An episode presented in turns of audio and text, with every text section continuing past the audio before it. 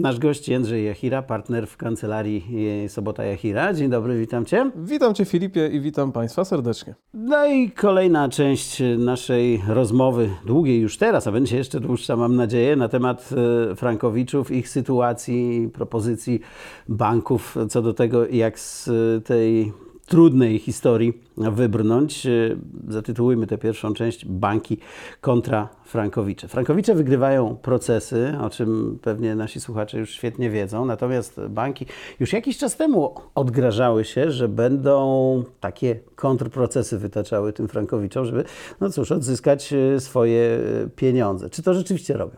Tak, w ostatnim czasie banki, można powiedzieć, postawione pod ścianą, zaczęły wytaczać najcięższe działa armatnie, przynajmniej tak twierdzą e, pełnomocnicy banków, polegające na wezwaniach do zapłaty i na powództwach cywilnych o zapłatę za korzystanie z ich kapitału.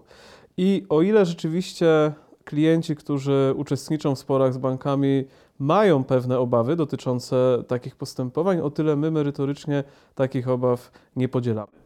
No dobrze, ale co to znaczy proces o bezprawne korzystanie z kapitału? Rozumiem, że dzieje się tak, że Frankowicz wygrywa, umowa jest uznana za niebyłą, no i musi zwrócić to, co pożyczył od banku bez żadnych kosztów. E, czyli banki próbują udowodnić, że on przez te często naście lat sobie dysponował tymi na przykład 300 tysiącami złotych, tak? Tak, można, można powiedzieć, że banki zachowują się jak czterolatek, któremu zabrano piłkę i próbuje na siłę wyrwać inną e, piłeczkę dostępną e, w szafie. E, tak naprawdę banki żądają dokładnie tego samego, co straciły.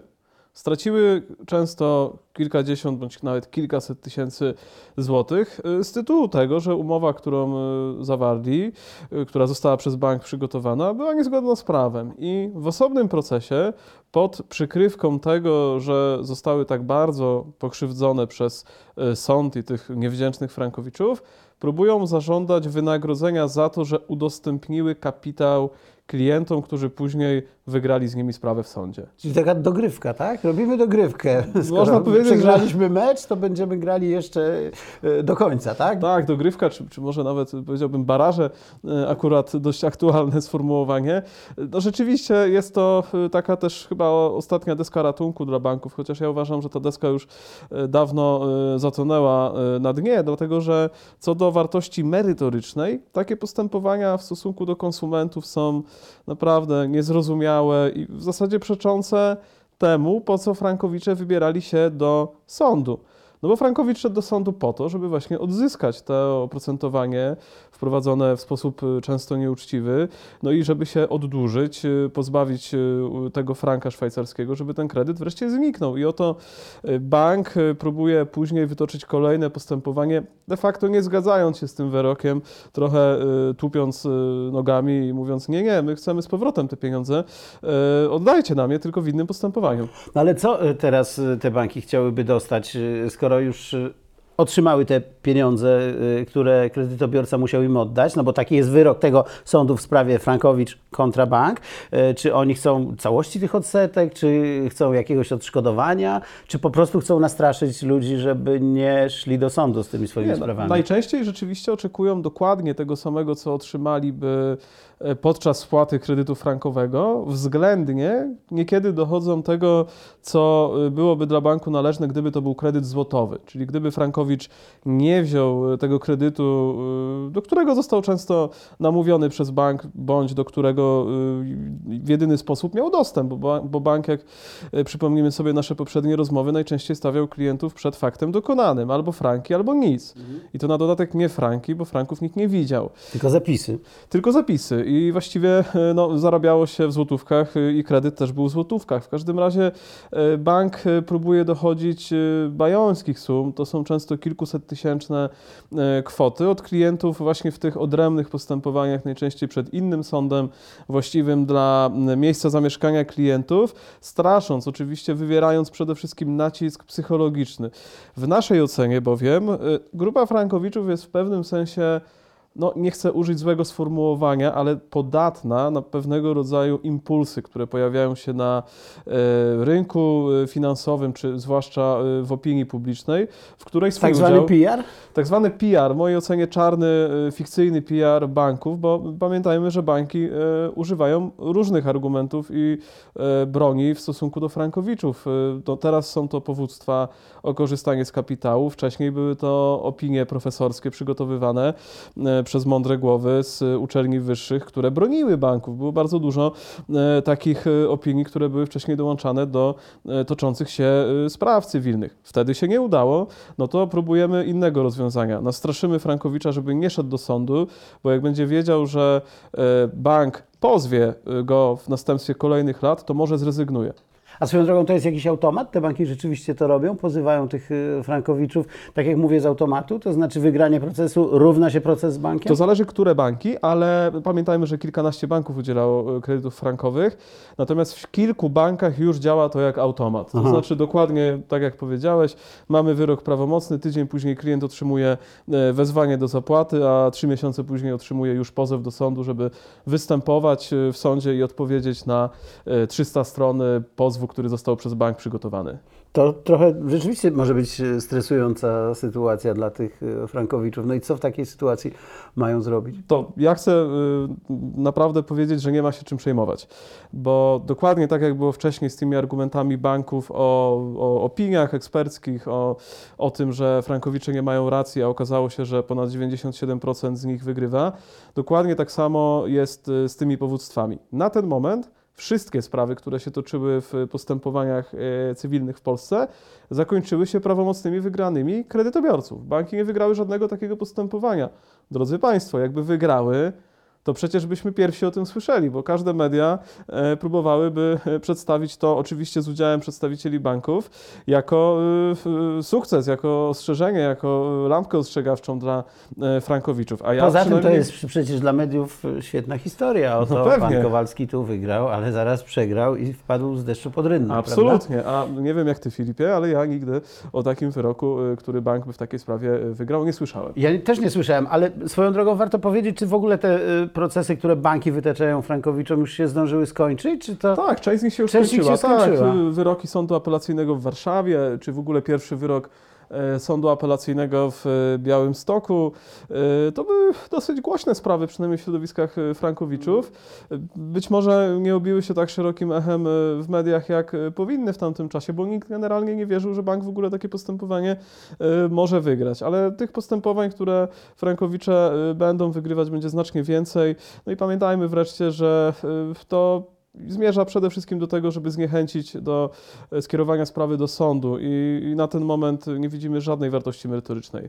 A czy te procesy w jakiś sposób z punktu widzenia sądu, może to trochę nie do Ciebie pytanie, ale też do Ciebie jako do prawnika, czy te y, procesy są w jakiś sposób połączone? To znaczy, czy ten y, sąd, w którym, czy przed którym bank pozywa Frankowicza, e, bierze pod uwagę to, co się wydarzało na przestrzeni poprzednich lat, proces wygrana tego e, kredytobiorcy i tak dalej? Tak, no zdecydowanie, tylko oczywiście bank próbuje to przedstawić na swój sposób e, korzystny, dlatego że dołącza wyrok i pokazuje swoje analizy, e, z których wynika, że został bardzo pokrzywdzony na skutek tego wyroku, ale nie dołącza na Bank. przykład bank, tak, czyli nie dołącza protokołów z przesłuchań świadków, czy też, czy też strony powodowej, czyli frankowiczów, którzy opowiadali o tym, w jaki sposób zostali tutaj no, oszukani, można myślę śmiało użyć też tego sformułowania w sensie cywilistycznym oczywiście.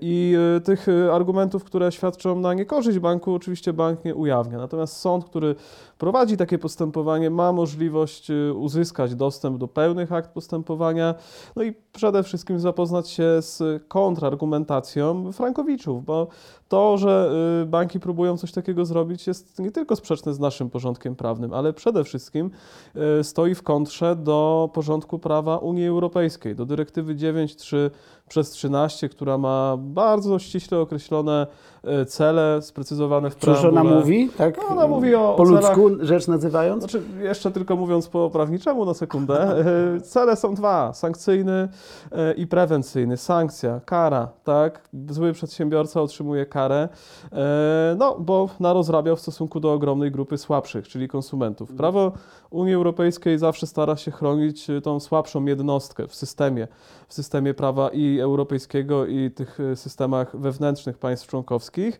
I oprócz tego pojawia się jeszcze skutek prewencyjny, czyli aby to się więcej nie powtórzyło. I ściślej rzecz ujmując, to właśnie naruszenie tego celu prewencyjnego w naszej ocenie następuje z inicjatywy banków, no dlatego, że y, bank właśnie próbuje y, powtórzyć to samo, tylko w innym postępowaniu, a więc skutek prewencyjny by nie zadziałał. To ja tu widzę y, trzeci proces na horyzoncie, tak? Ewentualnie. Czyli jeszcze o złamanie tej dyrektywy podawałeś numer 9 przez 9 3 13. przez 13, tak. No bo jeśli ten cel prewencyjny nie został uzyskany, to można by banki znowu sądzić potem, tak? Przed jakimś Trybunałem Sprawiedliwości Unii Europejskiej. No niestety mm, to tak nie działa, bo Trybunał Sprawiedliwości Unii Europejskiej jest powołany do spraw systemowych, a nie do spraw indywidualnych poszczególnych osób, czyli w takiej sprawie, ale oczywiście istnieje możliwość, zresztą to się już y, wydarzyło, aby zadać y, pytanie Trybunałowi w Luksemburgu, kolejny raz zresztą na wyraźne żądanie Polski, bo odpowiedzi na takie pytania można znaleźć y, już w dotychczasowym orzecznictwie TSUE, no ale nieważne. Y, Liczy się to, że w naszej ocenie takie postępowania i zresztą w ocenie już sądów, które wyrokowały, są e, oparte o nie, nieskuteczne, nie, nie, nieuzasadnione podstawy prawne, ale na samym końcu jeszcze, bo to też dosyć istotne dla państwa, gdyby nawet przyjąć taką retorykę banku, że oto zostali pokrzywdzeni, ponieważ e, państwo korzystali z kapitału banku przez tyle lat, to ten sam argument można e, odwrócić w kierunku banku i powiedzieć, że przecież oto bank korzystał z państwa kapitału. Proszę zwrócić uwagę, że unieważnienie umowy ma skutek wsteczny, retroaktywny, w tym wypadku lex retroagit. I skoro to prawo działa wstecz, to przecież udostępniając państwa prywatny kapitał, też można by zażądać za to wynagrodzenia.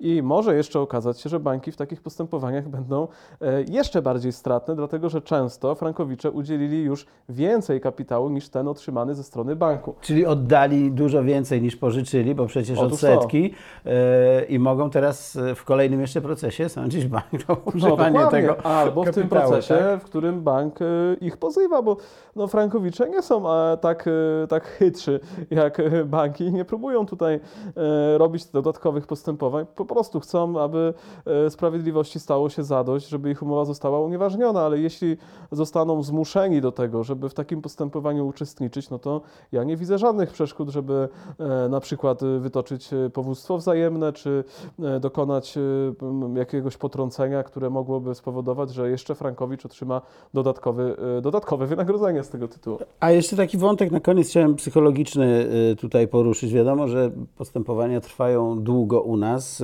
Czy mm, z Twojego doświadczenia, no, e, ta sytuacja właśnie z pozwami ze strony banków zniechęca jakoś frankowiczów, czy się boją, że będą się, że tak to określę, wozić z kolejnym procesem latami i tak dalej? I co byś im powiedział? Może nie tyle zniechęca, co zastanawia.